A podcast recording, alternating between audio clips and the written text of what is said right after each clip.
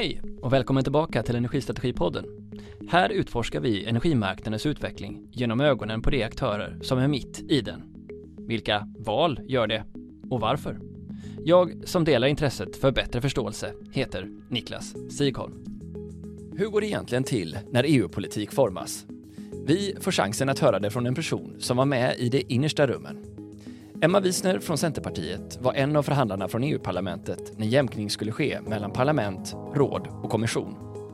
Hur blev det egentligen med koldioxidtullar och med utsläppsrättshandeln? Kul att ha det med. Hej Emma Wiesner, varmt välkommen tillbaka till Energistrategipodden. Tack så mycket. Och vilken vecka du har haft. Långa dagar. Ja, vill du berätta lite grann om din senaste vecka? Um, ja, men senaste veckan har varit eh, otroligt intensiv. Jag började i Strasbourg och Strasbourgveckor är alltid intensiva för det är då vi röstar i Europaparlamentet och allt ska komma på plats.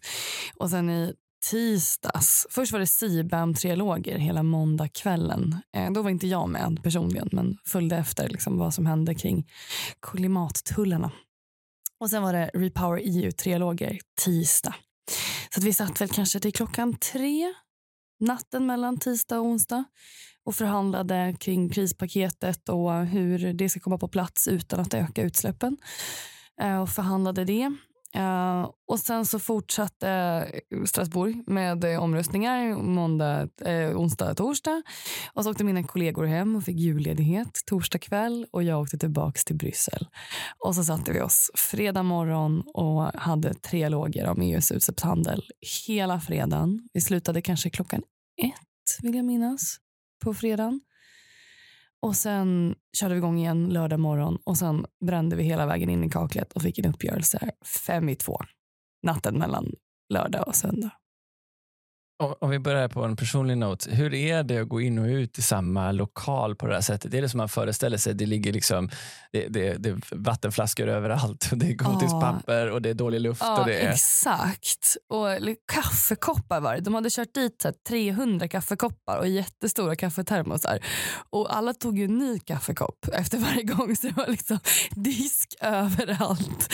Och jättemycket skräp. Liksom. Jag fick panik över att vi inte källsorterade i det där rummet. Så jag började gå ut och så sortera skräp som jag såg låg i drivor. Nej, det var riktigt och kvavt och liksom lökigt och allt annat i parlamentet är ju stängt en lördag.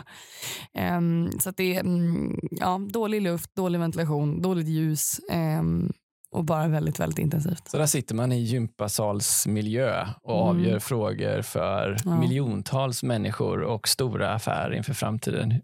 Ja. Hur är det att förhålla sig till det? Ja, det är ju overkligt. Jag har fortfarande inte riktigt fattat vad det är jag har varit med om uh, och vad det är vi har gjort faktiskt. Um, och liksom att de här samtalen man står och har i korridoren och man kommer på nya grejer och så här, borde vi inte göra så här istället? Och så blir det så. At some point så um, vi pratade om, om ett pristak uh, för utsläppshandeln i transportsektorn. Och Då pratade de om det som ett pristak men så fort man börjar gå in och reglera pris, prisnivåer då är det skattepolitik och då måste det vara enighet i rådet. Och så att rådet är väldigt så, allt som har med pristak att göra tycker man är jätteläskigt. Men då var jag tröttna på den diskussionen. För bara, men hörni, det här är ju inget pristak att diskutera. Det här är en prisstabilitetsmekanism. Vi borde bara kalla det för det. Det är liksom att prata om en prisstabilitetsmekanism istället. Och det är det den heter nu och det är det som kommer stå i lagstiftningen. Price stability mechanism. För det var det liksom, jag bara röt ifrån, tröttnade på att vi pratar pristak. Eh, och så blev det så. Och det, det var någon sån diskussion vi hade liksom, eh, väldigt sent fredag kväll. En del i förhandlingsteknik är ju det här att trötta ut sina motståndare och helt enkelt bara nöta ja. ut dem. Till slut orkar man inte utan ja. vill bara fatta ett beslut. Det ja. låter nästan som att det här var ett sånt läge att det är ett av värdet att hålla på hela vägen in, in i kaklet för att folk orkar inte till slut. När min, min företrädare Fredrik Federley han sa till mig så här, det prestigen borde ju vara att ha en så kort förhandling som möjligt. Det måste liksom vara det nya svarta. Liksom. Det är det som borde vara målet, att man går in och skryter om hur jäkla kort. För det betyder att man har gjort och förberett allting och att alla bara kan komma överens jäkligt snabbt.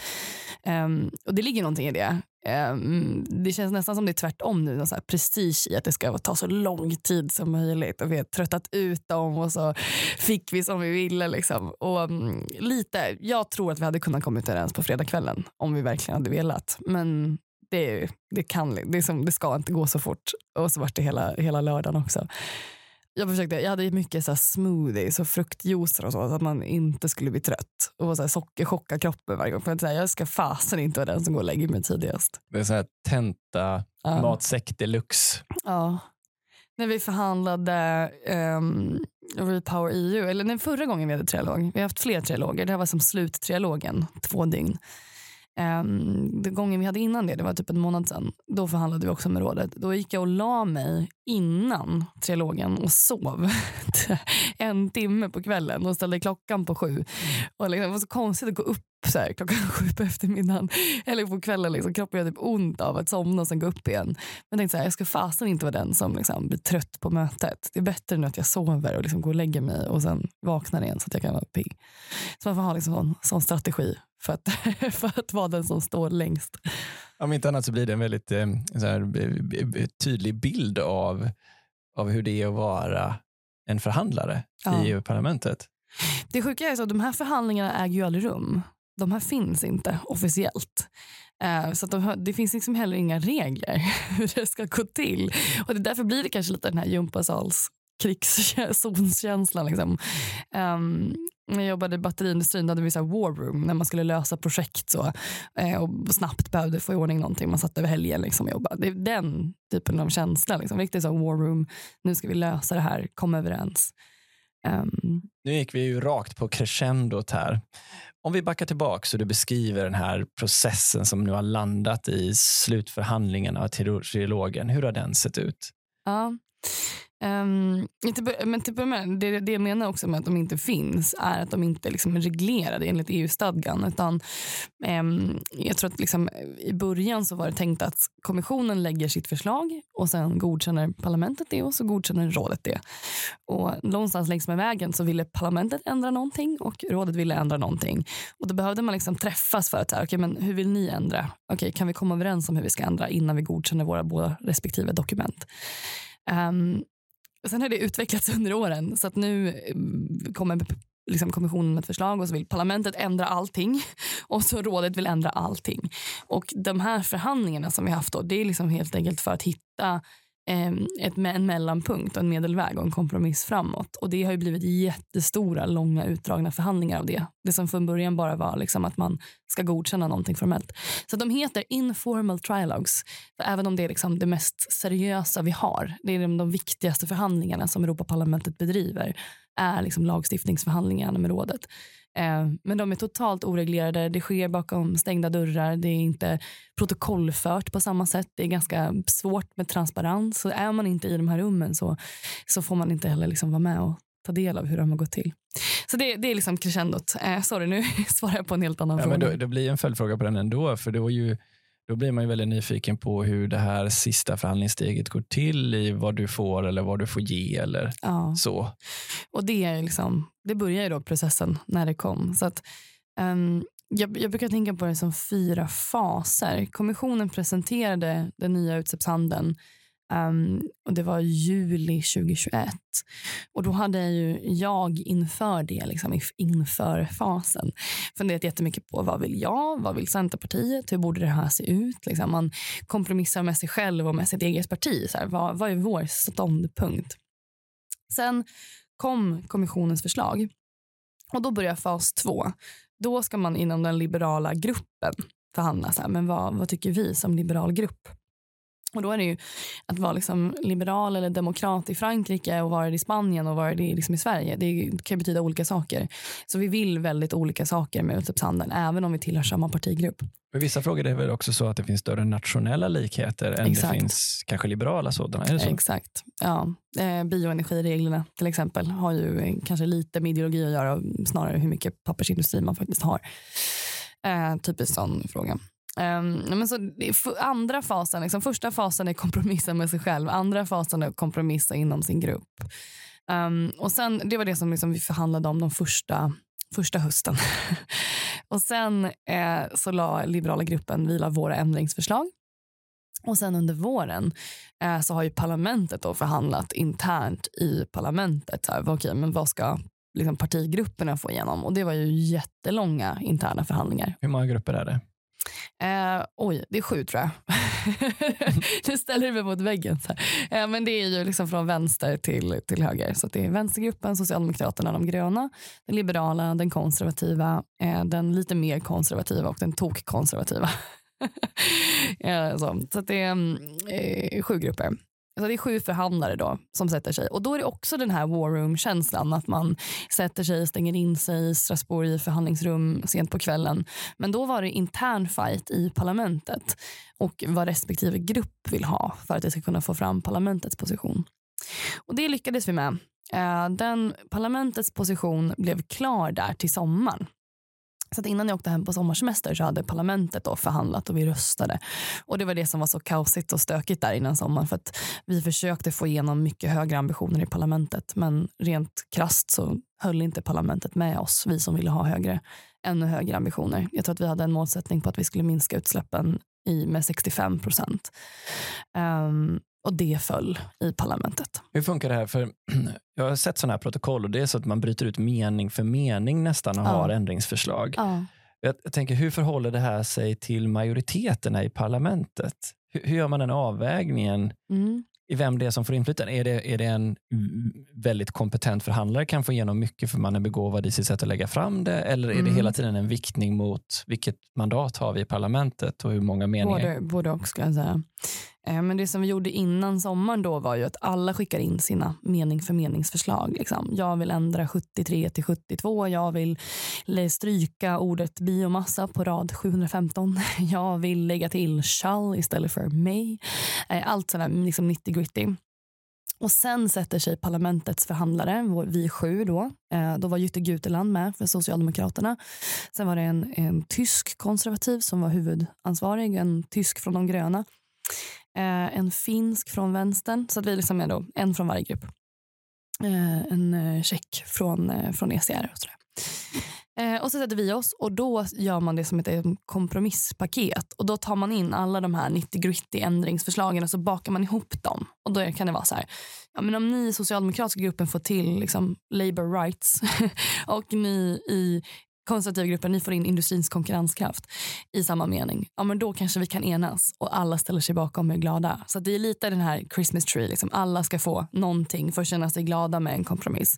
Och vissa frågor måste man rent krasta göra upp. Vi kan liksom inte föreslå både 60% och 65% utan då måste man enas. Och där försökte vi få igenom då en ännu ambitiösare utsläppshandel i parlamentet och så föll det i den omröstningen vi skulle ha innan sommaren. Och vi fick börja om och göra om det. Och så lyckades vi till slut enas den sista omröstningen innan, innan sommarledigheten. Eh, och då var det 63 procent. Så att många hade velat ha mer ambition i utsläppshandeln, inklusive jag själv. Men rent krasst med den verkligheten vi har så parlamentet höll inte med. Vad, vad betyder de här 63 procenten? Det är hur mycket som utsläppen i den handlande sektorn, alltså utsläppshandeln, ska minska eh, till 2030. Så liksom hur snabbt kurvan och utfasningen av, av utsläppsrätter ska, ska ske. Eh, och idag är den väl typ 43. 43, kan det vara. Okay. Så att vi höjer rätt rejält. Mm. Eh, men vågar inte ta gift att det är just Nej. den siffran.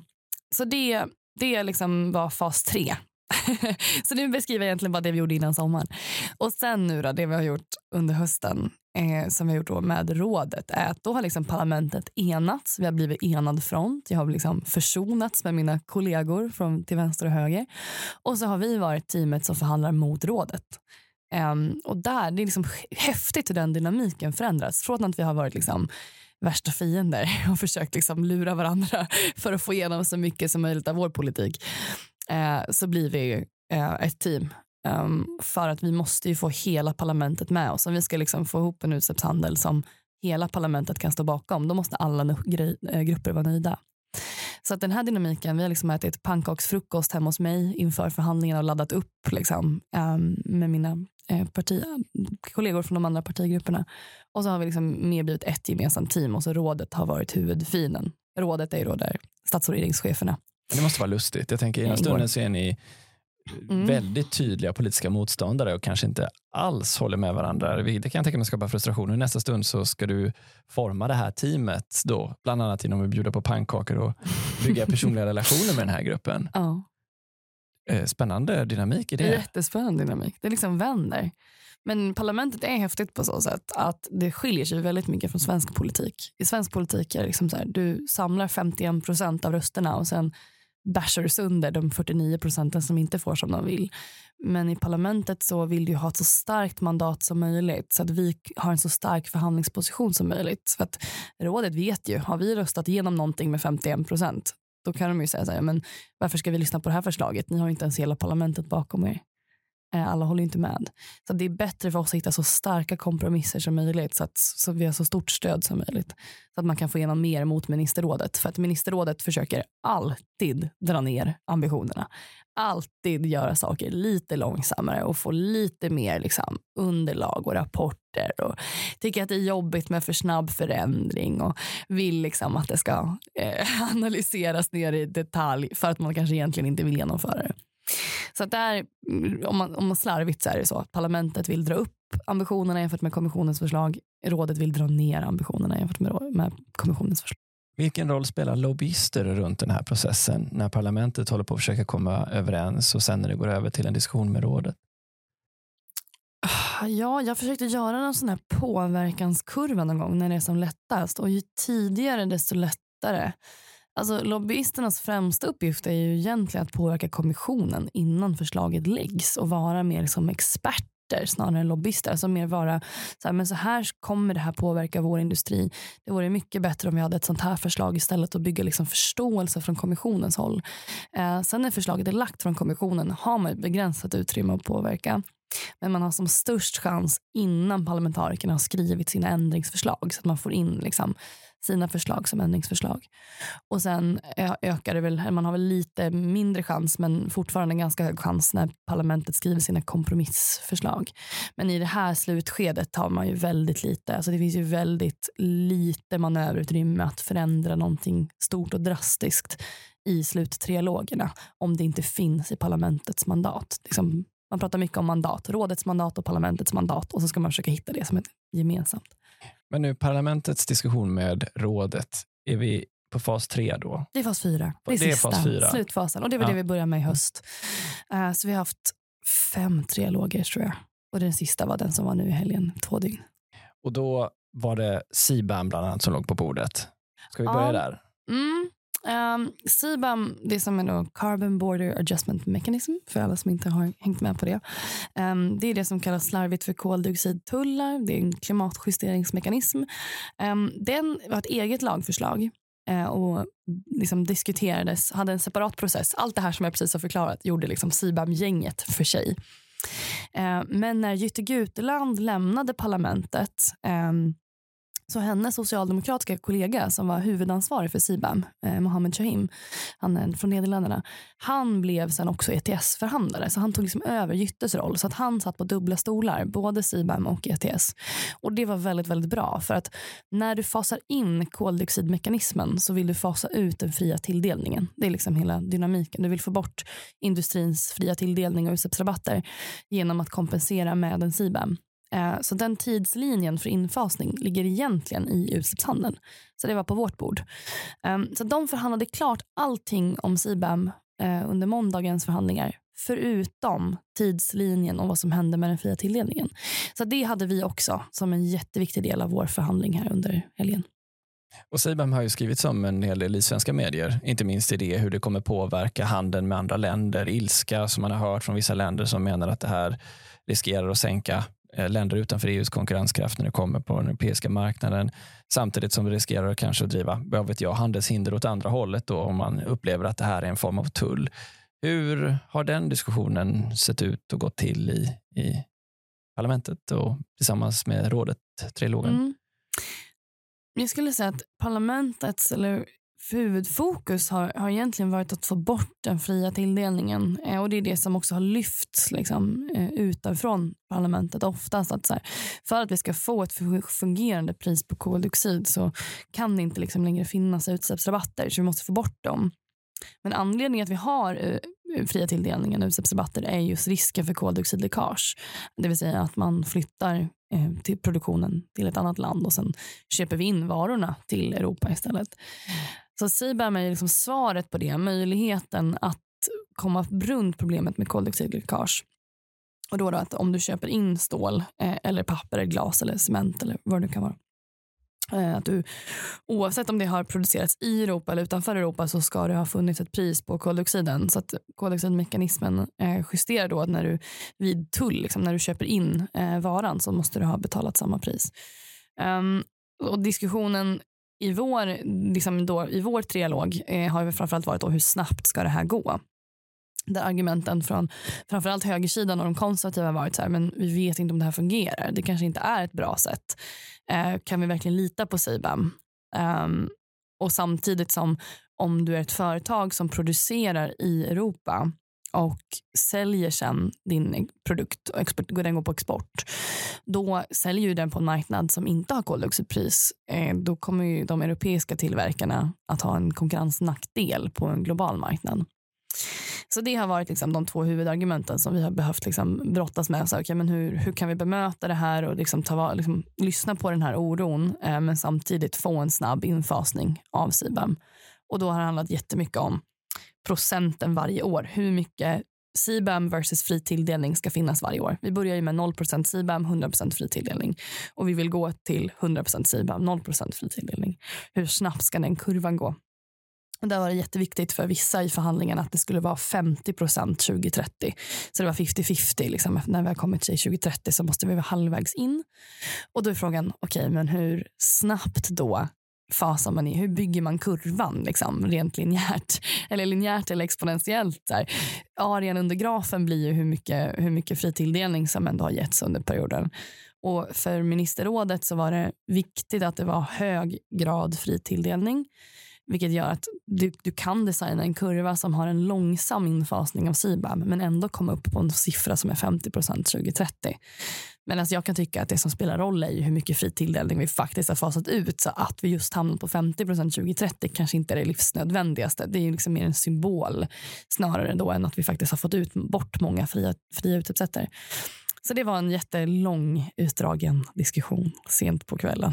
Och vad landade ni blir man nyfiken här. Ja, men vi landade i att det inte blev 50 procent. Det var 48,5 procent 2030. För att med den siffran så kunde vi bygga en kurva som ändå blev ambitiösare än den med 50 procent. Hade vi liksom krigat och kämpat oss liksom Eh, kämpat hela vägen för att få just 50 procent hade vi behövt acceptera en högre grad fri tilldelning för systemet. Så att vi resonerade att det är bättre att få bort många utsläppsrätter och kan kompromissa med 50 procent siffran.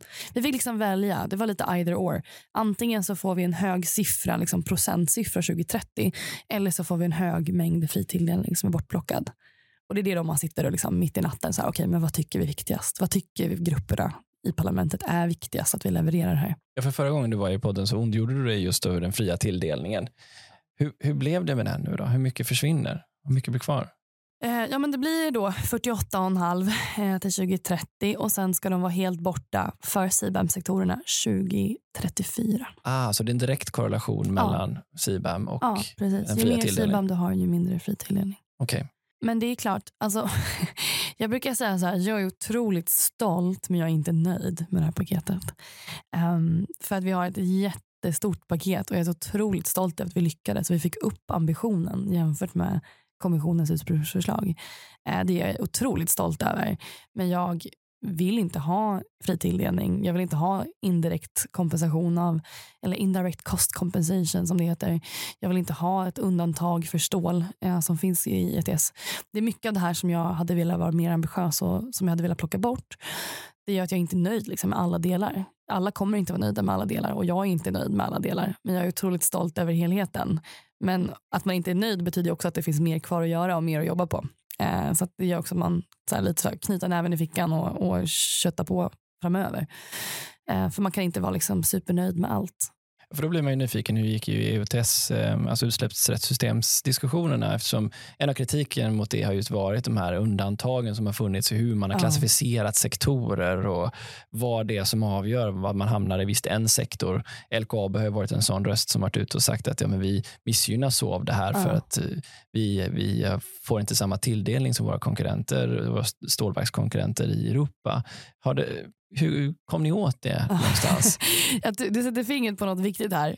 Och det, detaljen är ju att det är så sjukt mycket i det här paketet. Det är så otroligt mycket regler. Det är så policytungt. Det är liksom knappt gått att, att prata med folk om vad det är man har gjort. Liksom. Det är så många delar. Eh, och det är väl eh, också liksom viktigt att ha med sig och ta med sig att det är så otroligt mycket regler som, som skulle falla på plats. Och Det var det som gjorde att det var helt osannolikt att vi liksom ens skulle komma överens om det här. Men som man gör då är att man har teknisk nivå och politisk nivå. Så så mycket som möjligt av alla detaljer liksom, och ändringar liksom, shall till mig och Eh, vi ska ha en uppdatering av benchmarks i fallet i LKAB. De vill att man ska se över benchmark-kategorierna för det är helt orimligt att fossilfritt stål hamnar i en egen kategori och inte hjälper till att pusha på det traditionella stålet. De borde hamna i samma kategori så att det fossilfria stålet hjälper till liksom, och drar loket för traditionsstålet. Ehm, alla sådana detaljer ehm, försöker man lösa ut på teknisk nivå. Så där har inte jag varit med, utan det har mina tjänstemän varit och suttit och förhandlat med rådets tjänstemän. Och så kallar man, man gör en A-list och en B-list. Alla de liksom punkter som går att lösa tekniskt, B-list items kallar man det för, um, försöker tjänstemännen lösa ut. Och den uppdatering av benchmark var en sån som, som gick att lösa ut på teknisk nivå, att vi ska få till en sån uppdatering av, av benchmarks um, som, som svenska stålindustrin vill. Men sen så vill vi också uppdatera benchmarkvärdet så att det lägsta benchmarket är idag 0,2.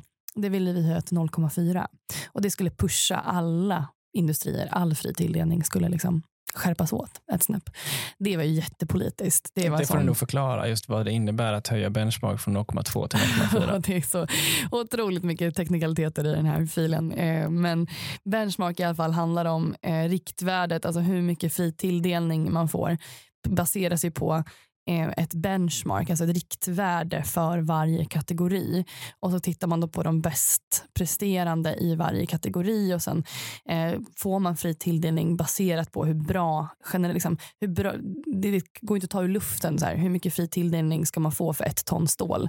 Ja, men då samlar man alla ståltillverkare i en, en eh, grupp och så tittar man på okay, men hur bra är de, de bästa 10 procenten och så utifrån det så fördelas fri tilldelning till resterande stål ståltillverkare baserat på hur mycket stål de vill tillverka. Eh, och Benchmark sätter då ribban för okay, men hur, mycket, hur mycket fri tilldelning får man då i den här kategorin. Och när du säger kategori så är det då läkemedelsindustriföretag kan vara en kategori. Glas, Glas cement, pappersmassa. Ja, det är baserat på um, produktionsprocess som har har använt. Och Det är det som har blivit fel med stålet. Att så här, om du har en vätgasbaserad stålprocess så har en annan process än det traditionella stålet. Och Då har det hamnat i olika benchmark även om slutprodukten egentligen är stål. Detsamma. Jag tänker att även om tjänstemännen tog hand om hela den här diskussionen så kan jag tänka mig att du hade ett stort intresse i att följa frågorna ändå för att kunna avgöra ja. vad det är som är på tjänstemannanivå. Ja, och vi flaggar ju om det är någonting som så här, men det här borde inte vara, det här måste vara politiskt. Och tjänstemännen flaggar också upp alltid om det är så här, men det här tror vi inte att politikerna kommer hålla med om. Då flaggas det upp till A-nivå. Och så blir det så. så att hur benchmarken skulle uppdateras, eh, det blev 0,3. Parlamentet vill ha 0,4. Rådet och kommissionen vill ha 0,2. Vi hamnar på 0,3. Stort och viktigt. Ehm, det var väldigt så politiskt. Och där fick vi också igenom att eh, när cross-sectorial correction factor inträffar, ett annat så här, tekniskt begrepp, men när man uppdaterar och skärper till fria tilldelningen för alla kategorier, då ska inte de tio bästa procenten i varje kategori ska inte drabbas av den här skärpningen. Och på så sätt får man också ett incitament för de som har drivits, gått före i sin kategori. Så det har också varit en sån jätteviktig som, som jag har kämpat för att få in. Liksom, det här kommer inte, inte hamna på Expressens löpsedlar men det är ändå en jävligt fet grej liksom, att vi fick in det. Så här, men du har en morot i att vara din bästa i din kategori. ja, det verkar ju logiskt. Jag menar, om, om man kommer tillbaka till vad är argumentet rent krast i värde av att vara ett land som går före eller inte så vill, vill ni bygga in det i den här mekanismen. Exakt. Exakt. Och på samma sätt om man ska ha exportrabatter då, som man har kallat det för i CBAM så vill vi också att det ska finnas en koldioxidkomponent. Alltså om du ska få kompenseras för att du har betalat för dina utsläpp när du exporterar så måste man ju, måste man ju ta hänsyn till också hur, hur koldioxidintensiv då den exporten har varit. Alltså, de som har ställt om och tillverkat fossilfritt stål måste ju också ha en, en fördel av att man har gjort det. Börjar man kompensera alla på samma sätt och ta bort koldioxidpriset, ja, men då finns det ju inget incitament kvar att ställa om. Och vi vill ju liksom att fossilfritt stål också ska exporteras på global exportmarknad. Så en del av fundamenten i hur de här kategorierna är fördelade men också hur benchmarket ser ut och vem som fördelas eller vem som premieras av att ligga först eller sist i sin respektive kategori har också förändrats, vilket ju är viktiga fundamenta in i hela EU ETS såklart. Då. Ehm, men var ni också inne och pillade i stabilitetsmekanismen? Absolut.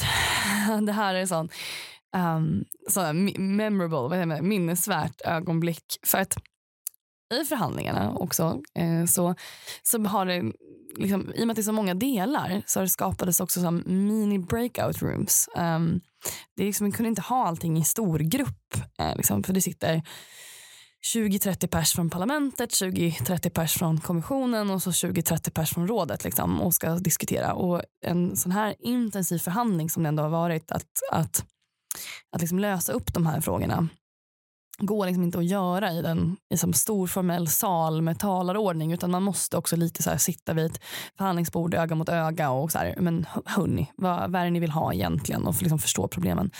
Så det gjorde som att det skapades som en liten minitrialog de triloger jag har varit på innan har det inte behövts. Liksom jag har förhandlat jordbruksstatistik och annat. Då har man liksom kunnat löst väldigt mycket i det stor, stora formella sammanhanget. Trots att det är informellt. Men, men stora, stora formella liksom, mötesrummet. Här var det mycket mer så att vi också hade små liksom gick, de gick iväg i konferensrum. Liksom, så vår huvudförhandlare från parlamentet gick iväg med huvudförhandlaren från, från rådet. Och så satte de sig i liksom ett litet konferensrum med några tjänstemän var. Vem kommer och, på och typ att man gör skrek så? på varandra. är det så att man märker bara, nej men det här, det här går inte längre? Ja. Kom så går vi och sätter oss i ett litet ja. Men det är det här som är speciellt, att trialogerna finns inte formellt. Så det finns liksom inga regler som bestämmer hur de ska gå till. Och i det här fallet så var det det mest effektiva sättet att lösa det på. Um, men då i alla fall, så jag vart utsedd till ambassador of waste. Uh, för att jag, hade, jag, har jobbat också på avfallsförbränningspanna. Uh, så att jag har också uh, kämpat verkligen för att avfallsförbränningen ska in i ETS. och eh, blivit ganska frustrerad på mina kollegor när de säger så här, men there's a risk of landfill. Ja, men hallå, ett landfill directive, alltså eh, deponiförbud i Europa. Liksom. Sluta skyll på landfill. Ja, jag, fick, jag vart arg, jag lackade ur eh, ett möte. och sen dess så, så gjorde mig till ambassador of waste. Sen så har jag också kämpat jättemycket för att MSR ska justeras eh, progressivt. Jag har haft många goda argument för det och sen har jag också kämpat jättemycket för innovationsfonden som vi skulle byta namn på till klimatinvesteringsfonden. Vi lyckades inte med namnbytet men vi fick innehållet. Okay. Det är också så himla fett. Även om inte liksom, det syns inte utåt nu för att namnet är detsamma men så lyckades vi ändå justera innehållet.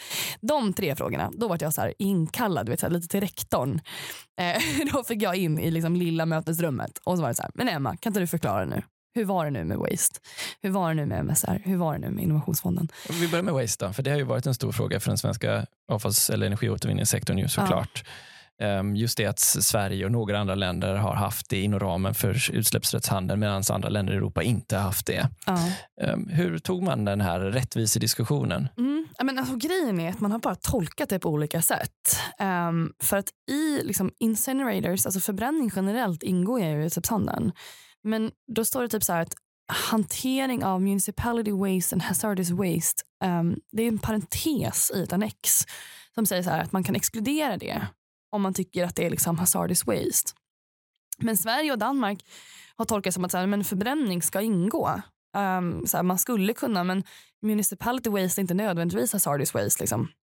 Alltså att om du har um, ja, men, giftigt avfall eller farligt avfall, liksom, att det, det är svårt att hantera därför ska det inte ingå i, i avfallsförbränningen. Men medan Sverige och Danmark resonerat som så här, men mm, vanligt kommunalt avfall är liksom inte farligt avfall. Eh, det är klart att det ska ingå. Så den här parentesen har varit liksom problemet i att inkludera waste. Så jag gjorde ett amendment där jag bara snabbt och smidigt bara raderade parentesen. Så tänkte jag så här, nu inkluderar vi avfall. så smidigt var det inte kan jag säga. Men parlamentet tog i alla fall ställning för att inkludera avfall. Kommissionen hade inte med det i sitt förslag alls. Och så frågar kommissionens tjänstemän så här, varför tog ni inte med avfallet? Det är liksom ändå typ 11 procent av Europas utsläpp. Det är 50 miljoner ton koldioxid. Varför tog ni inte med det? Då sa de eh, lack of time. Och de hade personalbrist och tidsbrist. Liksom. Och det är så himla dåligt argument varför vi inte då ska inkludera det. Jag förstod att det inte bet på dig riktigt. Nej, det argumentet eh, kastade jag genom fönstret. Uh, och sen så jobbade vi stenhårt och det är också alla som har promotat cirkulär ekonomi, liksom vi ska ha mer återvinning. Uh, det är också jättekonkurrensnackdel liksom, att om du då exporterar avfallet till Sverige och Danmark med högeffektiva kraftvärmeanläggningar, då betalar du. Men inte om du förbränner det liksom skräpanläggning bokstavligt talat i Italien. Eh, det är helt orimligt att det sker på olika sätt. Men det vi fick in då efter mycket om och men, alltså jag är förvånad över hur stort, hur stort motstånd det var. Det här var liksom in i det sista. Ehm, men då var jag då inkallad i det här lilla, lilla förhandlingsrummet och drog argumenten igen. Och till slut lyckades vi få med rådet på de ville liksom inkludera det 2032 kunde de säga. Så, men 2032 då kan vi börja inkludera det. Och det är ett bullshit argument för det, liksom, utsläppshandeln, det är nästa fas i utsläppshandeln. Så det liksom hade inte gjort någon skillnad. Ehm, um, till slut fick vi med dem på att 2024 så ska avfallsförbränningsanläggningarna rapportera sina utsläpp. Det är alltid första steget. Först rapporterar man. Sen 2026 ska kommissionen lägga fram en impact assessment och eh, gud mycket engelska uttryck jag använder. Ber om ursäkt. Kommissionen ska lägga fram en impact assessment och lägga in avfallet från 2028. Så att, eh, jag vill ju liksom lägga till det imorgon och radera, radera parentesen. Det gick inte, men 2028 och det är jättestort steg framåt jämfört med hur det var tänkt. Ja, det är klart det kommer påverka hur avfallsmarknaden i Europa ser ut. Absolut. Eh, och prissättningen på det. Ja, men MSR var svårare. Det var område nummer två. Där, det är alltså marknadsstabiliteten. Marknadsstabilitetsreserven. Där hotade rådet med att om ni ruckar på det här någonting Eh, så hade, vi hade redan enats om att man skulle behålla intake rate på 24 procent, alltså så många utsläppsrätter som plockas bort vid när, när det börjar sugas, dammsugas upp utsläppsrätter in i marknadsstabilitetsreserven. Det var ursprungligt en 12 procent, senaste åren har det varit 24 procent och det hade vi enats om att behålla på 24 procent. Och de var så här, ändrar ni någonting mer i marknadsstabilitetsreserven då kommer det bli kaos i rådet. Med regeringarna kommer säga att, eh, att ni kommer inte få någonting och det kommer bli 12 procent. Så där hade jag superbra argument varför vi skulle ändra i MSR. Det vet inte och jag tror kanske att mina liksom vassa argument i MSR gjorde att jag framstod som trovärdig och jag tror att det är kanske lite därför de ändrade sig på avfallet. Att de sa att vi kan inte ge någonting på MSR men okej, men då kan de i alla fall få avfall. Vilket är så helt sjukt att man sitter och tradar på det här sättet men, men det kan ha varit så. Så i MSR, vad slutade det med då? Jag förstod inte riktigt vad det landade i. MSR kommer vara kvar som den är just nu med 24 procent och bara att ha kvar 24 procent är jätteviktigt och jättestort. Jag tror att det är så här 300 million allowances eller något sånt som, som påverkas av det. Så det är jätteviktigt att den är 24 och inte 12. Så det är liksom en dubblering av, av, av eh, antalet utsläppsrätter som sugs bort. Sen ska kommissionen göra till nästa liksom revisionsfas titta på om man kan göra MSR progressiv, vilket var det vi ville. Eh, så vi har gått från att inte röra den alls till att ändå titta, liksom, se över hur i framtiden skulle den kunna bli så som vi vill ha den. Och nu kommer det finnas med i, commission, eh, i kommissionens liksom, analys. Och vi vet ju att det som inte finns i kommissionens analys är jättesvårt för rådet att acceptera. Det var därför avfallet var så smärtsamt, för att det inte fanns med i någon analys. Vad beror det på? Ja, det är som tidsbrist som kommissionen sa. Ja, men varför, varför blir det extra svårt då? För då säger de så här, men vi har inte tittat på det här, det är inte analyserat, det är inte vetenskapligt belagt, vi måste vara scientific based, vi måste veta liksom, innan, vi kan liksom inte bara höfta. Vilket ju är rimligt, liksom, att politiken också måste byggas på någonting. Men det gör det väldigt svårt om man vill ändra någonting som inte, inte kommissionen har tittat på. Eh, och därför är det extra viktigt då all, alla såna här liksom, som, som kan låta tandlöst där kommissionen ska göra en analys för att framtiden ändra. Det, det kommer spela roll eh, för att det kommer vara lättare att ändra då längre fram. Och hela den här frågan som var på tapeten innan sommaren, att, eh, eller efter sommaren kanske det var, jag kommer inte exakt ihåg när det hände, när kommissionen föreslog att man skulle lyfta upp en del av MSR eller sälja framtida utsläppsrätter för att finansiera Repower EU. Exakt. det här var det vi satt med i tisdags. Vad hände med det och hur spelades det in nu eller försvann det bara? Det försvann inte. Det var jättehårt jobb eh, att få bort det. Um, det här var det vi satt hela tisdagsnatten med. Um, just för att man ville finansiera energikrispaketet uh, genom att plocka ut utsläppsrätter från MSR, sälja dem och med att sälja dem också tillåta de utsläppen. Um, och um, det är 250 miljoner ton utsläpp som man ville öka och sälja för att få in pengar. till Repower EU och de här energi, liksom, energikrispaketet. Vilket ju är, energikrispaketet behövs och det är ju väldigt, väldigt bra. Men vi var väldigt kritiska till finansieringsmetoden. 20 miljarder euro ville man få in. Um, där ville um, nu ska vi se. Ja, men den liksom, högergruppen tyckte väl att kommissionens förslag var ganska bra eller att man skulle använda innovationsfondens pengar, alltså forskningspengar. Det är klimatfonden. Eh, klimatinvesteringsfonden som vi inte fick igenom. Så den ska heta innovationsfonden. inte, inte förvirra folk, men vi vill att den ska heta klimatinvesteringsfonden. Eh, och då vill man också att den ska investera i klimatet och inte liksom, i energikrispaketet. Eh, och sen ville vänstersidan ville, ville ta från den fria tilldelningen och få in pengar från fri tilldelning istället. Um, jag insåg ganska snabbt att vi kommer liksom inte få med oss varken rådet eller högersidan av parlamentet på att, att göra den lösningen. Vi måste få in en bättre lösning och det kan ju inte vara att plocka från innovationspengarna liksom, för att finansiera krispaketet.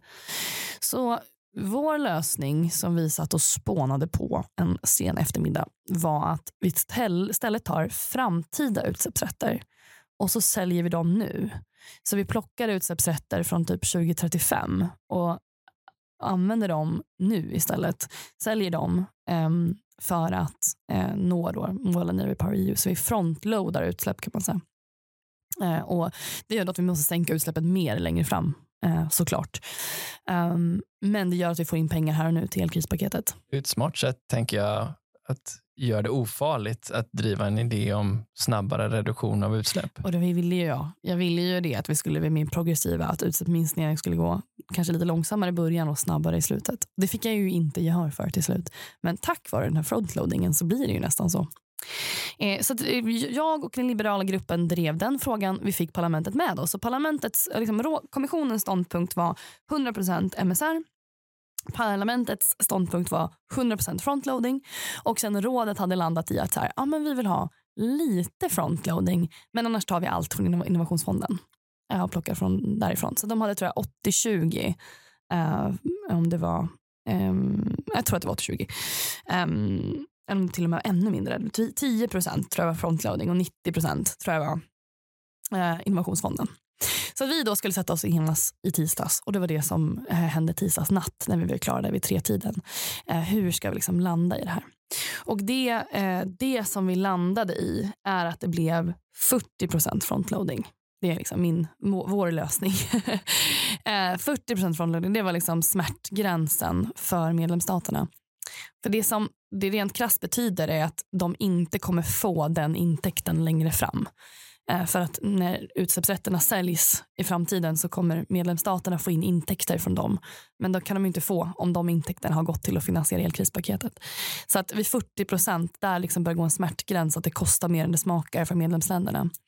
Så vi är jättesvårt att övertyga dem om någonting annat.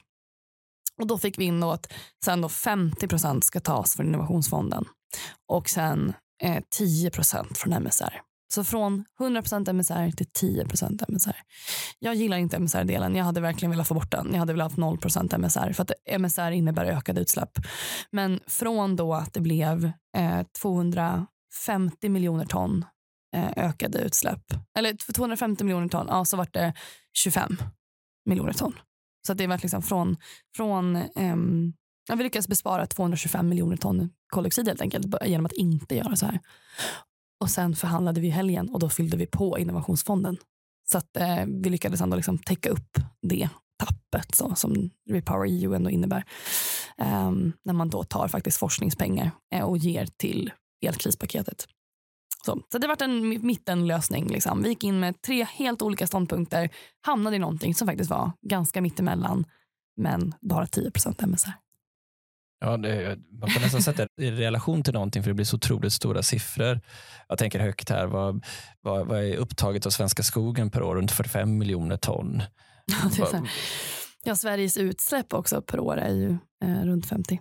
Ja, något sånt. Ja, det är ju där vi räknar mycket såklart. Men också det LKAB tänker att de ska göra med hela sin omställning i, i, i ledet senare ska kunna vara någonstans upp mot de 40 miljoner ton också. Så de här jätte jätte, jättesummor. Summorna får man nästan försöka förhålla till någonting då. Ja. ja. Det, när vi pratar om avfallsförbränningssektorn liksom, som låter som en pyttesektor Vi hade förhandlat, haft en hel trialog bara om sjöfarten och det är ungefär 144 miljoner ton utsläpp som Europas sjöfart bidrar med. Uh, avfallen är en tredjedel av det, typ 50 miljoner ton utsläpp, vilket är motsvarande Sveriges utsläpp på ett år som man liksom sparar. Det är ofantliga siffror och när man hör hur förhandlingarna går till i realiteten att ja, du fick inte det här så du får det här, två saker som egentligen inte har med varandra att göra ja, men som ändå konstigt. Det bygger mer på vilken relation du har till personerna som sitter i rummet än vad det har att göra med faktisk policy. Ja. Jag förstår. Det, det, är, det är ju mänskligt på något sätt. Det är ju både vackert och och svårförstått samtidigt. Ja, men det är liksom typ också det fulaste med politik på ett sätt. Alltså jag som ingenjör blir lite så här, ryser på ett dåligt sätt. Um, um, och har haft ganska svårt att förhålla mig till det här. Men det är inte bara kohandel liksom, politiskt utan typ som det har varit är att vi har haft en trialog om varje ämne egentligen. Och under de trialogerna så har man liksom tittat på policyområde för policyområde. Så här, vad är det bästa sättet att lösa det här på? Och försökt liksom lyssna på varandras logiska argument och så hittat en bra mellanväg. Till exempel avfallsförbränningen, så att man först ska ha rapportera in utsläppen, sen ska det göras en analys och sen ska det ingå. Det har vi liksom kunnat enas om. Så här, men Det är det bästa sättet att göra det på. Jag förstår att vi inte kan lägga in det imorgon utan att ha liksom rapporterat först. till exempel. Alltså Det får man ändå lyssna på. Så här, väga in att ja, förmodligen så är det det vettigaste sättet.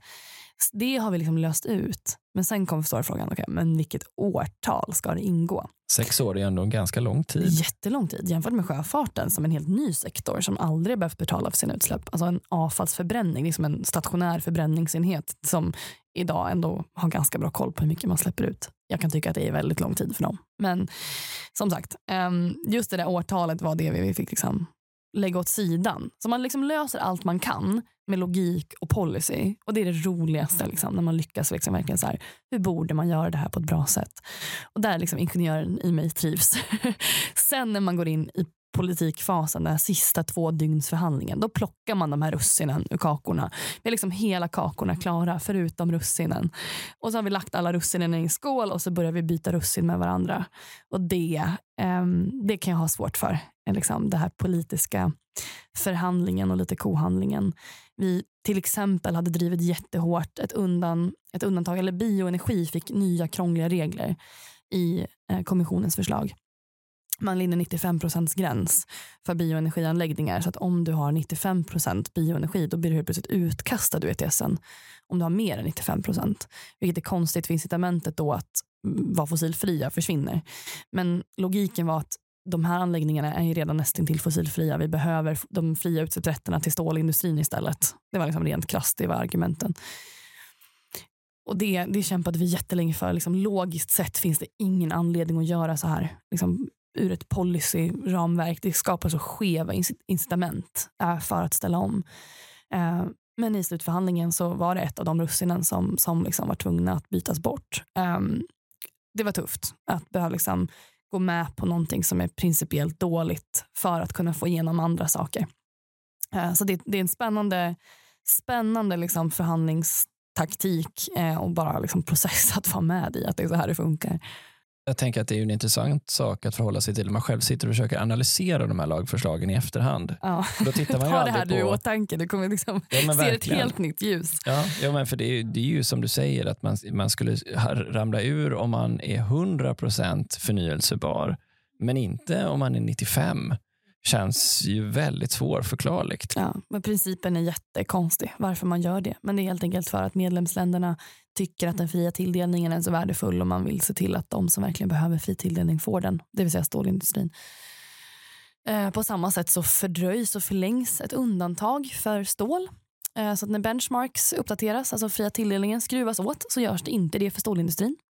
Och Det är helt enkelt för att stålindustrin är väldigt stark i många medlemsländer och många medlemsländer är oroliga för då att stålindustrin ska bli missgynnade på något sätt. Så istället så får de ett särundantag. Så här, fruktansvärt förbannad blir jag på det och jag är jätteledsen och besviken att jag inte fick bort det. Eh, men rent krast, det, det gick inte. hur länge gäller det exempelvis?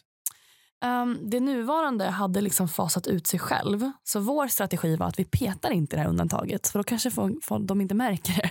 Och så får det själv dö. För det skulle liksom fasas ut nu uh, till den här budperioden. Men då plockade, det plockade rådet såklart upp och var så här, vi vill förlänga uh, stålundantaget. Och då um, var det en del liksom, i slutpaketet för att vi skulle få en mer ambitiös CBAM, en mer ambitiös liksom, linjär reduktions ehm, ehm, eh, LRF-faktor och att vi skulle liksom, få ner utsläppen ännu, ännu mer. Att vi skulle få in avfall. Ehm, det var liksom en del av slutpaketet. Och då tyvärr så, så är det ju så. Det är en, en liksom politisk give or take och det är en kompromiss. Och det hade varit jättekonstigt om jag hade suttit här och var nöjd med allt för då hade det inte varit en kompromiss. Reduktionsfaktorn har vi inte berört så mycket. Mm. Den, eh, vi pratade i förra avsnittet, kanske inte behöver återgå helt till det, om hur Swedish Proposal fick eh, effekt och så. Hur, vad hände där? Yes. Um, det kopplades ihop med rebasing så att man, nu blir det jättetekniska ja, termer, liksom. men jag liksom. hoppas nu att ni som lyssnar liksom ser framför er kurvan med utsläpp och hur den minskar. Um, och sen så ville man då göra ett stort hack, att plocka ut en, en större del utsläppsrätter liksom, för att återstå gå till en mer normal balans på marknaden. Det kallas för rebasing. Det blev en rebasing i två steg. Först en större och sen en lite mindre. Och sen uppdateras kurvan, då, LRF-faktorn, två gånger. Jag hade hoppats på tre. Um, vi var länge låg tre LRF-justeringar på bordet. Men där måste man också se till fakta att det varit mer ambitiöst med de här två än om vi hade, jag hade fått in en tredje som var lite Då hade de andra behövt vara lite mindre och lite senare. och sådär. Um, så det har varit mer ambitiöst med två gånger. Jag vill ju ha en LRF som hela tiden blir mer och mer ambitiös. För det är så vi ser att, hur verkligheten fungerar. Att när du väl börjar minska utsläpp så lägger anläggningar ner i en snabbare takt. Och saker är väldigt sällan linjära i verkligheten utan det är mer exponentiellt. Um, så jag hade velat att det var fler uppdateringar. Men det vart två. Um, vilket är stor skillnad från kommissionens föreslagna en. Och det är också en sån grej vi fick igenom utan att det fanns en impact assessment. Vi kunde visa att det blev tillräckligt bra ändå. I en sån här impact assessment finns det också prognoser då på vad priset för ett ton koldioxid blir som en effekt av de här insatserna? Ja, det gör det.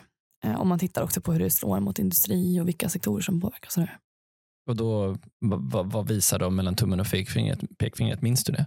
Nej, det är så många delar mm. i den här, mm. tyvärr. Mm. Jag det förstår. Jag, inte. Eh, det, det, jag får så många stickfrågor här så jag ska ja. försöka sortera, sortera ut. Men du hade för någon fråga sen eller två en bra övergång som jag tänkte knyta an till här mm. om det nya EU ETS 2 eller ja. nya utsläppsrättssystemet som ska omfatta fler sektorer. Ja. Vad omfattar det här paketet till att börja med? Alltså det var ju två jättestora fighter under helgen. Och Det ena var liksom i den nuvarande befintliga utsläppshandeln och koldioxidjusteringsmekanismen och det här med liksom industrin. Och Det andra var den nya utsläppshandeln, ETS 2 eller ETS BRT som eh, som rådet envis med att säga. Bara för att understryka hur inte överens vi var så vägrade förhandlarna genomgående använda varandras terminologi. Så att parlamentet sa genomgående ETS 2 och rådet sa alltid ETS BRT. Building and Road Transport. det, är liksom, det är mycket sådär, eh, show och visa så hur inte överens man är. Men vi enades om den nya ETS 2. Vi kan prata mer om den. Men det innebär, nu svaret på din fråga, att 75 procent av Europas utsläpp kommer att prissättas. Och det här, liksom, om det är en grej jag får ta med mig, eh, det här får jag sån otrolig gåshud över. Alltså när jag klimatdemonstrerade när jag var 16 eller liksom gick med i, tittade på Al Gore när jag var 13. Liksom, eh, hade jag aldrig kunnat drömma om att vara med att få förhandla paketet som prissätter 75 procent av Europas utsläpp tre fjärdedelar av Europas utsläpp kommer liksom att omfattas av ett pris på koldioxid. Så småningom, avfallet och så vidare, vi ska fasa in det, det går långsamt, ni fattar. Men ändå, grejen, principen, 75 procent, liksom ingen annanstans gör det här. Eh, att det är så många utsläpp. Och det är för att vi lägger till avfall, den var ny. Eh, sjöfarten, jätteviktig. Har aldrig tidigare behövt betala för sina utsläpp. Liksom, tjock olja på de här stora tankbåtarna och fraktbåtarna. Eh, vi har flyget och då brukar alla säga så här, men vadå, flyget ingår ju redan. Ja, men de har också haft fri tilldelning, typ så 80 procent hur länge som helst. Alltså, de har ju aldrig riktigt betalat för sina utsläpp. Och nu inkluderar vi också utlandsflygningar till och från europeiska flygplatser. Eh, så det är också internationell aspekt eh, på både sjöfart och flyg. Sen är det tra traditionella liksom industriförbränningen. Och sen är det då building and road transport, alltså byggnader som är direktuppvärmda med gas och transport. Transportsektorn, bensin och diesel, drivmedel. Du, du hade ju den här fyrafasprocessen garanterat även för den här stora frågan.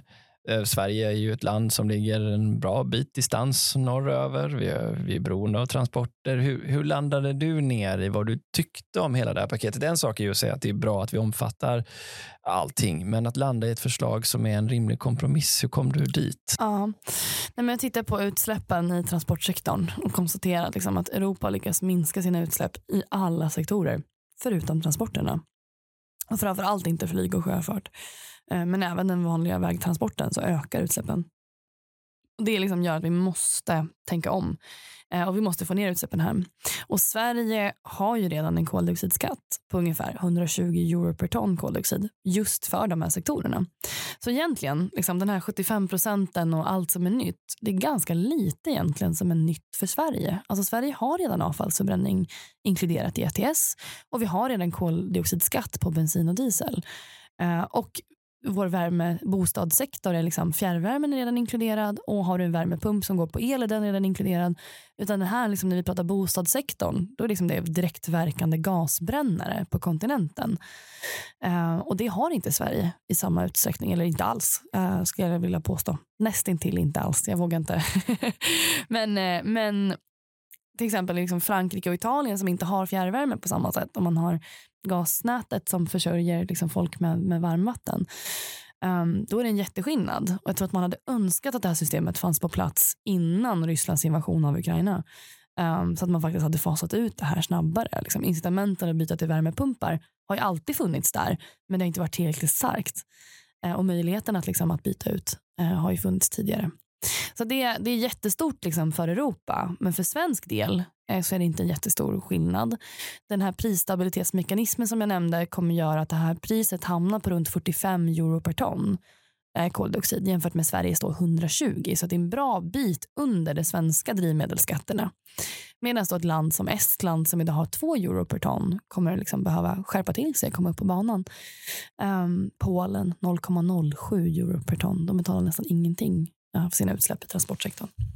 Så det här är egentligen en större omställning på EU-nivå. Och då argumenterar jag utifrån liksom Parisavtalet och hur vi ska nå hur vi ska nå det. Och prissättning av koldioxid är det mest effektiva sättet att göra det på. Alltså mest kostnadseffektivt och det som har gett störst effekt. Um, och vi måste också flytta mer av klimatpolitiken till den europeiska arenan. Här antar jag att det, du nämner det, men här måste omvärlden också ha spelat in antar jag i diskussionerna. Det, jag kan bara tänka mig, min ja. fördom är ju att man tänker att man har förstått hur stort problem det är att 40 procent av all den liksom gas som behövs för uppvärmning i Europa faktiskt har kommit från Ryssland tidigare. Hur var det i, ja, men Hela, hela liksom den nya ETSen är det som var svårast. Det var det som liksom folk trodde att vi inte skulle komma överens. Och hade vi inte kommit överens på ETS 2 så hade de nya delarna i ETS 1 inte fallit på plats. Det var liksom kravställda mot varandra. Det här ska vara ett paket och lyckas ni inte komma överens då blir det ingenting. Och det är klart att det här var det som var absolut känsligast liksom, i och med kriget och sådär. Och man ska inte heller vara naiv. Um, alltså prissättning på koldioxid i det här läget är kanske inte det som folk drömmer liksom mest om. Och det är det som många regeringar oroar sig för. Så att någonting behövde ändras här i och med kriget i Ukraina var ganska tydligt. Alltså, man ska komma ihåg, utsläppshandeln designades och det här förslaget lämnades 2021 innan krigets utbrott. Ehm, det är designat för att långsiktigt nå EUs klimatmål till 2030, 2035, 2040, 2050. Och, men kriget sker här och nu och det har skapat en enorm liksom, energikris och kostnadskris eh, runt om i Europa. Och det måste man ta hänsyn till. Så det som vi gjorde då för att liksom få acceptans för den nya ETSen är att vi fördröjer den, vänta med att införa den. Den ska kicka igång 2027 nu enligt det vi kom överens om, men med en nödbroms. Så att om läget på gas och oljemarknader kvarstår, att det är så här höga priser som det nu har varit, då väntar vi ett år till. För det här är ett långsiktigt styrmedel som långsiktigt ska ta oss i klimatmålen. Ehm, spotpriset just nu på både gas och olja gör motsvarande det som ett koldioxidpris hade gjort. Alltså syftet med det finns liksom inget egenvärde i att ha en utsläppshandel tanken är ju att se till att det fossila blir dyrare och att det blir mer hållbart och mer långsiktigt liksom, möjligt att ställa om. Och det är ju det som, som läget just nu gör. Jag tror inte att det finns någon som tänker inte fundera på hur man kan minska sin energianvändning eller minska sitt gasberoende eller byta ut eh, olja och gas i, i alla sektorer. Och det har ju liksom kriget redan skapat den effekten. Så att vi väntar och fördröjer ETS2 men vi säger att den ska skapas. Det måste till ett pris på koldioxid långsiktigt liksom när saker är tillbaka till det normala. Eh, men är det inte det så väntar vi ytterligare lite till. Och sen var då den här prisstabilitetsmekanismen att det inte kan sticka iväg hur högt som helst utan konsumenter och hushåll har liksom inte, en annan, inte samma typ av finansiella system som industrin och kan ta vilket pris som helst eller liksom hantera oförutsedda effekter utan det måste finnas en annan typ av stabilitet i ett pris för hushåll eh, och därför infördes den då stabilitetsmekanismen och det gjorde också att vi kunde bygga acceptans för den här ja, så, systemet. Så även de här krispaketets förslag hängde ihop med förhandlingen här? Uh, till viss del, men inte direkt skulle jag inte säga. Okay. Men man tänker ju på dem liksom tillsammans ja, såklart. Ja, jag fattar. Mm, då fattar jag. Ja, för det är ju förståeligt eftersom ju gasen är en så eh, tydlig marknadsförändring i med ja. Rysslands position. Och flyget, där är ju också mm, ambitionen för IATA är ju också att ganska högt satt. Det är ju 50 procent förnyelsebart tror jag 2050, vilket ju kräver rätt så mycket av flyget. Och det är ju en hel industri som är kopplad till det här med att förädla HVO till SAF och utveckla. Hur, vad, är för, vad är det för typ av impact assessment kring det? Vad är det, vad är det du drömmer om? Vad önskar du få till inom flyg? Ja, men flyget, alltså där handlar det verkligen om att hitta de här alternativen och få lönsamhet i det som är alternativt. Um, och där var det en separat lagstiftning som handlade just om alternativa bränslen till Eh, till egentligen alla sektorer men som också tittade på flygets eh, möjligheter till nya bränslen. Det kan också vara elektrifiering. Ehm, just själva flygets del i utsläppshandeln var en egen förhandling. Det låg separat i ett separat paket. Det regleras av samma. Ehm, men där handlade det ju jättemycket om att få bort liksom, den fria tilldelningen, att det faktiskt börjar kosta också för flyget. Vad kan man räkna med för typer av kostnader? Vad, vad innebär det om jag ska flyga till, säg Spanien, om man nu skulle vilja göra det? Oj, bra fråga. Det, jag, det vet faktiskt inte jag så på rak arm i och med att jag inte har jobbat med den delen direkt. Utan den impact assessment låg som ett separat paket eh, med flygets. Jag läste i tidningen bara att det var ett par hundra kronor som man skrev där, men jag tänker att det där måste ju vara ett extra lurigt för er som sitter och förhandlar om de här frågorna. Ja. Eftersom det är ju, som du har varit inne på, och som också är för mig, vansinnigt många olika saker att hålla koll på, samtidigt att förstå effekten av förslagen som ligger ja. på bordet. Men tänker, mycket av det här, lite som jag var inne på, att nu behöver vi mer europeisk politik i klimatpolitiken. Um, för att liksom när vi bygger nationell politik så kan det bli liksom suboptimalt och man bygger in sig liksom i, i stuprörspolicys. Um, det, det som händer nu är att vi får in sjö, flyget och sjöfarten i, i EU-politiken och det minskar ju behovet av nationella styrmedel på ett annat sätt. Alltså reduktionsplikten och flygskatten. Det har ju varit liksom Sveriges sätt att försöka nå det här och samma koldioxidskatten. Det har liksom varit Sveriges sätt att driva de här frågorna och gå före. Nu kommer det in europeisk politik istället som till viss del kommer ersätta det här. Du får inte dubbelbeskatta bränslen till exempel. Så att när avfallet lades in i utsläppshandeln så plockade man bort koldioxidskatten på bränsle eller på avfall. Um, på samma sätt så måste nu liksom den europeiska politiken ta den nationella styrmedlens plats. Och lite så så gör det reduktionsplikten till en lite liksom obsolet debatt efter då 2028 eller 2029 när det, när det införs. Uh, och på samma sätt så kommer ju då flygskatten har ju liksom varit Sveriges motsvarighet till det här på sekt, eller jag tror att den, den är sånt som kommer liksom plockas bort till förmån för det europeiska systemet. Så det är inte alls säkert att svenska flygresenärer märker av samma skillnad. Det är bara att nu gör vi det på europeisk nivå så vi når mycket högre klimatprestanda i styrmedlet än om Sverige gör det en och en. Om vi lyfter ut just reduktionsplikten just med tanke på att den har varit så politiskt infekterad här under valet och efter valet också ska sägas då. Vad skulle du säga är det, eller kan du beskriva för oss så som du uppfattar att det kommer gälla om man nu förhåller sig till att den nuvarande regeringens mål är att sänka reduktionsplikten till EUs miniminivå som de uttrycker det.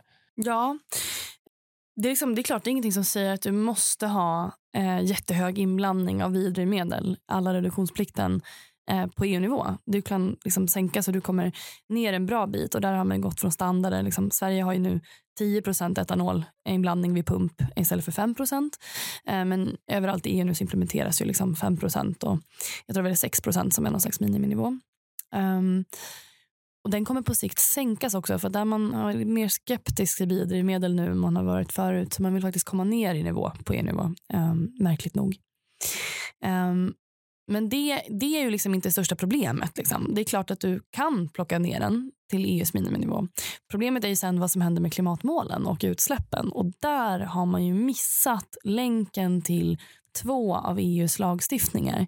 Det vill säga eh, ESR, alltså Effort Sharing Regulation och um, LULUCF som sitter väldigt väl ihop, väldigt väl sammankopplade lagstiftningar och som säger att om du inte når klimatmålen för ESR-sektorn och även om vi nu lägger in eh, bostäder och transporter in i ETS2 så ingår den fortfarande i ESR. Så det är liksom transport, jordbruks, eh, skogssektorn, eller transport och, och, eh, och, jordbruk, bland annat avfall, ligger i ESR. Eh, når du inte målen där så kommer du antingen, då har du två val. Antingen så köper du utsläppsminskningar i ett annat EU-land för att nå dina mål. Eller så minskar du avverkningen av skog. Du ökar kolsänkan med motsvarande. Vilket betyder att det som kvarstår då um, är ju att köpa sig utsläppsrätter. Och det kommer att kosta runt 70 miljarder eh, om jag inte har minns helt fel. Jag har liksom inga underlag med mig. Alltså, jag saknar att kunna bläddra i papper. Men typ 70 miljarder. Uh, och Alternativ två är att köpa eller minska avverkningen och köpa in skog som man låter stå. Det, skulle, det har vi räknat på slarvigt att det skulle bli typ 77 miljarder. Så det är en jättekostnad att inte nå klimatmålen. Det har inte med reduktionsplikten i sig att göra. Ehm, man kan ta bort reduktionsplikten eh, och sätta den på miniminivån om man vill. Men då måste man hitta något annat sätt att nå klimatmålen och annars kommer det bli en miljardsmäll. Och dessutom så har ju regeringen själva i ESR förhandlingarna drivit igenom att de som inte når klimatmålen ehm, de kommer också få en straffavgift. Eh, och ett, liksom ett straff. Och det, det har, jag har också stått bakom det, Jag tycker det är en jättebra idé. Eh, det var Moderaternas Jessica Polfjärd som var huvudansvarig eh, för de förhandlingarna. Så det är liksom lite ironiskt att de själva har infört det här straffet som jag tycker är fullt rimligt. Det är ironiskt om Sverige skulle hamna i den situationen att vi själva liksom straffas. Det är som tänkt att designas liksom för att straffa Ungern och Polen för att de gör för lite på klimatområdet. Biter oss själva i svansen och att liksom Sverige åker på de här straff Eh, straffen. Men det kanske är det som behövs för att eh, väcka regeringen till liv. Eh, nu kliver jag in i liksom centerpartistrollen här och inte ETS-förhandlarrollen. Men, men det kanske är det som krävs då för att, eh, för att väcka frågan om att vi måste nå klimatmålen.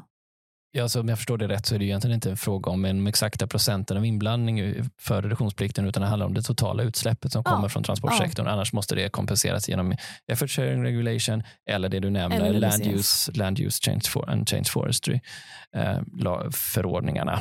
Mm. Nu då nästa steg eh, så har vi ju en jätteviktig och stor fråga i förnyelsebart-direktivet som kommer här i januari. Jajamän som berör väldigt mycket kring också hur vi hanterar biomassa, biomassaflöden bland annat. Var är ni? Var är, jag förstår att nu är du på väg in mot julledighet och sådär, men, men eh, var är, hur ser utgångsläget ut där? Um, om vi tittar på hela Fit for 55, det vi pratade om sist när jag var här och poddade, um, så var det 13 olika lagstiftningar. Nu när vi i helgen blev klara med ETS, CBAM och Social Climate Fund, eh, sociala klimatfonden har vi knappt pratat om, men den blev också klar i, i helgen. Det var liksom de tre stora viktiga pusselbitarna som var kvar. Eh, och det gör att Fit for 55 är egentligen liksom färdigförhandlat och färdigbakat nu. Förutom förnybartdirektivet. För de förhandlingarna strandade helt. Och Det är annat förhandlingsteam för att det är på energiområdet och inte klimatområdet. Så det är lite andra förhandlare som har varit med. Eh, men man lyckades helt enkelt inte enas innan jul om bioenergikriterierna. Och där eh, så hamnade ju parlamentet väldigt snett i sin ståndpunkt eh, och man slår väldigt hårt mot bioenergi. Så man går liksom in i förhandlingarna med kommissionens ursprungsförslag som var hård mot bioenergi redan. Parlamentet som vill vara ännu hårdare och sen rådet som ändå har en mer skulle jag säga, nykter syn eh, på den frågan. Men parlamentets ståndpunkt blev katastrofal. Ehm, det är ingenting som säger nu att det, det, kommer bli så. Alltså, nu ska de sitta och kohandla och göra precis det här som, som vi har gjort på ETSen. Det kan vara så att man hittar en bra mellanväg och en bra lösning. Eh, så vi, det återstår att se Eh, men det som, om det skulle bli det som parlamentet önskar så vore det riktigt dåligt för svensk fjärrvärme. Det är ungefär en femtedel av fjärrvärmen som använder skogsrester från eh, skogsbruket eller rester från skogsbruket. Eh, grot, men det är även icke-kommersiell gallring och gallringsrester. Det är grenar. Olika typer av, av rundved som inte är högkvalitativt men som skulle då falla inom kategori rundved och primär bioenergi i parlamentets definition. Um, och Då skulle det inte få användas för bioenergiändamål. Man skulle inte få räkna det mot klimatmålen och man skulle behöva köpa utsläppsrätter om man förbränner den bioenergin. Så det är en, en femtedel av Sveriges fjärrvärme ungefär som påverkas av de här reglerna. Och Det, det är det jag menar då vore katastrofalt. Ja, just det. Det, ja, det blir ju en, en snabb, eller det, det är väl inte sagt då hur snabbt en sån förändring skulle gå. Det är också en del av förhandlingarna. Här. Ja, det är en del av liksom, hur snabbt det ska implementeras och när det ska börja verka. Jag Men... tänker bara på det du sa i början där du försökte göra en påverkanskurva. Du sa ju tidigare man är i de här processerna ja. så lättare är det att påverka. Om jag drar analogin till den berättelsen så och vi är ändå inte mer än en månad, en och en halv bort från den här förhandlingen så tolkar jag dig som att förhandlingsutrymmet ändå inte är särskilt stort kring de här frågorna? Alltså, I det här fallet, alltså, i hela ETS så har jag varit liksom teamparlamentet och verkligen tyckt så här, parlamentets ståndpunkt är det bästa, det är det som är mest ambitiöst. Men just när det kommer till bioenergi så hoppas jag faktiskt att parlamentets eh, ståndpunkt åker på smiska alltså, och att det blir rådet som har en mer sund hållning. Så tack vare att rådet fortfarande är vettiga i den här frågan. Eh, så det blir ju en jätteuppgift då för svenska ordförandeskapet att ta hand om bioenergifrågan. Men där ska ju Sverige vara mycket mer neutral eh, när man sitter som ordförandeland och förhandlar och kan inte vara riktigt lika hårda från svensk ståndpunkt. Men jag känner mig ändå trygg med att det kommer vara svenska förhandlare i rummet som förstår den här frågan på ett annat sätt. Mycket av problemet när kommissionen skrev förslaget är att jag tycker att det saknas ett svenskt perspektiv eh, på de här frågorna. Och jag liksom, om, om du frågar mig vad jag önskar mig i julklapp så önskar jag liksom en, ett par miljarder för att skicka ner fler tjänstemän och experter ner till Bryssel så att fler liksom, svenska forskare och, och experter är på plats och kan vara med i kommissionens processer. Det är alldeles för få tjänstemän från, från Sverige och från Norden och det är för få experter och forskare som har tid och råd att, att åka ner och vara med i de här processerna. Och det, det lider vi av eh, när lagstiftningen presenteras, framför allt på skogsområdet. Om vi ska försöka avsluta den här podden i... får, det finns mycket mer att diskutera, men jag antar jag får hoppas att det här inte är sista gången du kommer till podden, utan att du kan återkomma när du vet mer om, om eh, förnyelsebart-direktivet till exempel. Men eh, den här eh, den Social Climate Fund, den sociala klimatfonden, mm. det här var också en stor fråga. Kan du berätta, vad landade ni Sociala klimatfonden är ju inte mitt favoritverktyg. Det ska jag liksom inte sticka under stolen med. Jag tror inte att vi behöver liksom en fond, en EU, ny EU-fond för varje problem vi stöter på. Men det finns en tendens i att så fort det finns ett problem så ska man ha en EU-fond som, som löser det problemet. Jag som är decentralist är liksom lite mer skeptisk till EU och alla dess fonder. Um, men det här är en eftergift liksom för att skapa acceptansen för den nya utsläppshandeln när det liksom börjar um, vara ett system som täcker in hushållens kostnader. Och Det är egentligen ett paradigmskifte skulle jag säga i EUs politik. Att man man har gått ifrån liksom mål och visioner och att det är upp till medlemsstaterna att nå de här målen. Kommissionen har liksom lite tröttnat på att medlemsstaterna aldrig når, aldrig når sina mål. Och nu då inför man ett eget styrmedel som faktiskt påverkar hushåll och privatpersoner. Alltså koldioxidskatten har ju varit svensk. Det har varit regeringen vi kan skylla på det. Men om den byts ut mot ett utsläppspris så kommer konsumenter märka av EU mycket mer. Och det, här, det här är inte helt oproblematiskt. Det här måste liksom vi logiskt förklara nu eh, och skapa, skapa acceptans för att det kommer också vara EU-styrmedel som, som påverkar oss i vår vardag. Och Då är sociala klimatfonden liksom sättet att bemöta det på att också skapa en acceptans i att också EU kan stötta och hjälpa de hushåll, de här nu pratar nu om elpriskompensationen och de här checkarna som ska betalas ut och sådär. Det har ju Sverige har varit väldigt skeptiska till det på EU-nivå. Men helt plötsligt så med elkrisen som vi har nu så har ju den typen av styrmedel också börjat komma till Sverige. Det här, den här fonden är tänkt att kunna finansiera den typen av åtgärder. Um, liksom sociala insatser, hjälpa till, konverteringsstöd om du ska byta ut din gamla gasbrännare och byta ut den till en värmepump. Eller vad det nu kan vara. Liksom vi hade oljepannestöd i Sverige när alla skulle fasa ut oljepannorna. Um, som är ett sätt att, att um, ja, men stötta renoveringar om du har liksom en väldigt ineffektivt energislösande villa eller um, lägenhet som du bor i. Att du kan få stöd till energieffektiviseringsåtgärder och sådär. Så det är sociala klimatfonden i ett nötskal. Um, som också används av finansieringen kommer från ETS2. När man säljer de här utsläppsrätterna så kommer det in en massa pengar och då är frågan vad ska de användas till? Och då är det sociala klimatfonden och innovationsfonden som får de pengarna. Jag tänker på Brexit ja, och att, eh, att vad har vi någonsin fått från EU? Det här skulle vara ett sånt svar att man har en någon, någon form av check eller en stöd som jag som privatperson till och med kanske har en, en EU-flagga på. Sen det är kul att du nämner check för det här var liksom en av de stora diskussionerna. Kommissionen föreslog ett voucher system att man skulle få just EU-checkar. Um, ehm, den idén flög inte utan nu kommer det vara liksom nationellt utformade men med EU relaterad liksom, finansiering. Um, så just checkarna klarade, klarade sig inte genom helgens förhandlingar. Men, men tanken är där. Exakt, ja, det är exakt den idén. Man vill ha med den här europeiska flaggan lite exakt. överallt. Mm. Men, men eh, hur ska vi summera det här då? Vad, vad är din känsla nu när du går in i julledighet? Du sa att du var stolt men inte helt nöjd såklart. Uh, du sa att du fick gåshud av att 75 procent av Europas utsläpp täcks in av, av någon form av pris på koldioxid. Ja. Är vi, är vi glada, Emma? Ja, men jag är jättestolt eh, och otroligt nöjd att, att vi fick ihop det. Um, det var verkligen en risk att man inte skulle acceptera ett S2 och skicka ut den liksom, och, och skrota den idén. Och då hade vi stått och trampat där vi var förut och transportsektorn hade liksom inte fått ner sina utsläpp. Vi fick också upp liksom, takten på ambitionsnivån. Vi fick upp takten på CBAMs infasning och utfasning av de fria utsläppsrätterna. Nej, men jag, jag är otroligt, otroligt, otroligt stolt. Men som sagt, inte nöjd med allt och vi måste fortsätta jobba och liksom, jobba för att förbättra eh, ännu, ännu mer. Men det här är liksom så ambitiöst som, som det gick att få det. Tyvärr, för ändå säga. Alltså, som jag var inne på, parlamentet röstade ner. Vi vill ha ännu mer ambition och det röstade parlamentet ner till. Alla tycker inte att klimatambitioner är det mest viktiga vi har. Eh, och Då får man liksom ta det och jobba utifrån det, gräva där man står. Och Jag är verkligen övertygad om att det här är så ambitiöst liksom, vi någonsin hade kunnat få det. Och så får vi liksom se till att göra ännu mer på andra fronter samtidigt. Eh, och sen liksom, nästa revision. Men det är ju alldeles för långt fram i tiden för att man ska känna sig taggad på det. Liksom. Men, men liksom, med allt det här som ändå händer nu inse att det är otroligt häftigt att vi går från liksom 40% till 75% Det är historiskt. Du Emma, tack så hemskt mycket för att du var med i Energistrategipodden igen. tack att jag fick komma.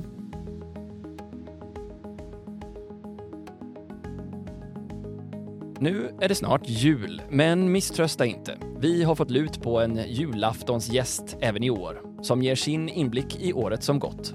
Och det är en person som har varit mitt i förändringsstormen. Vi hörs.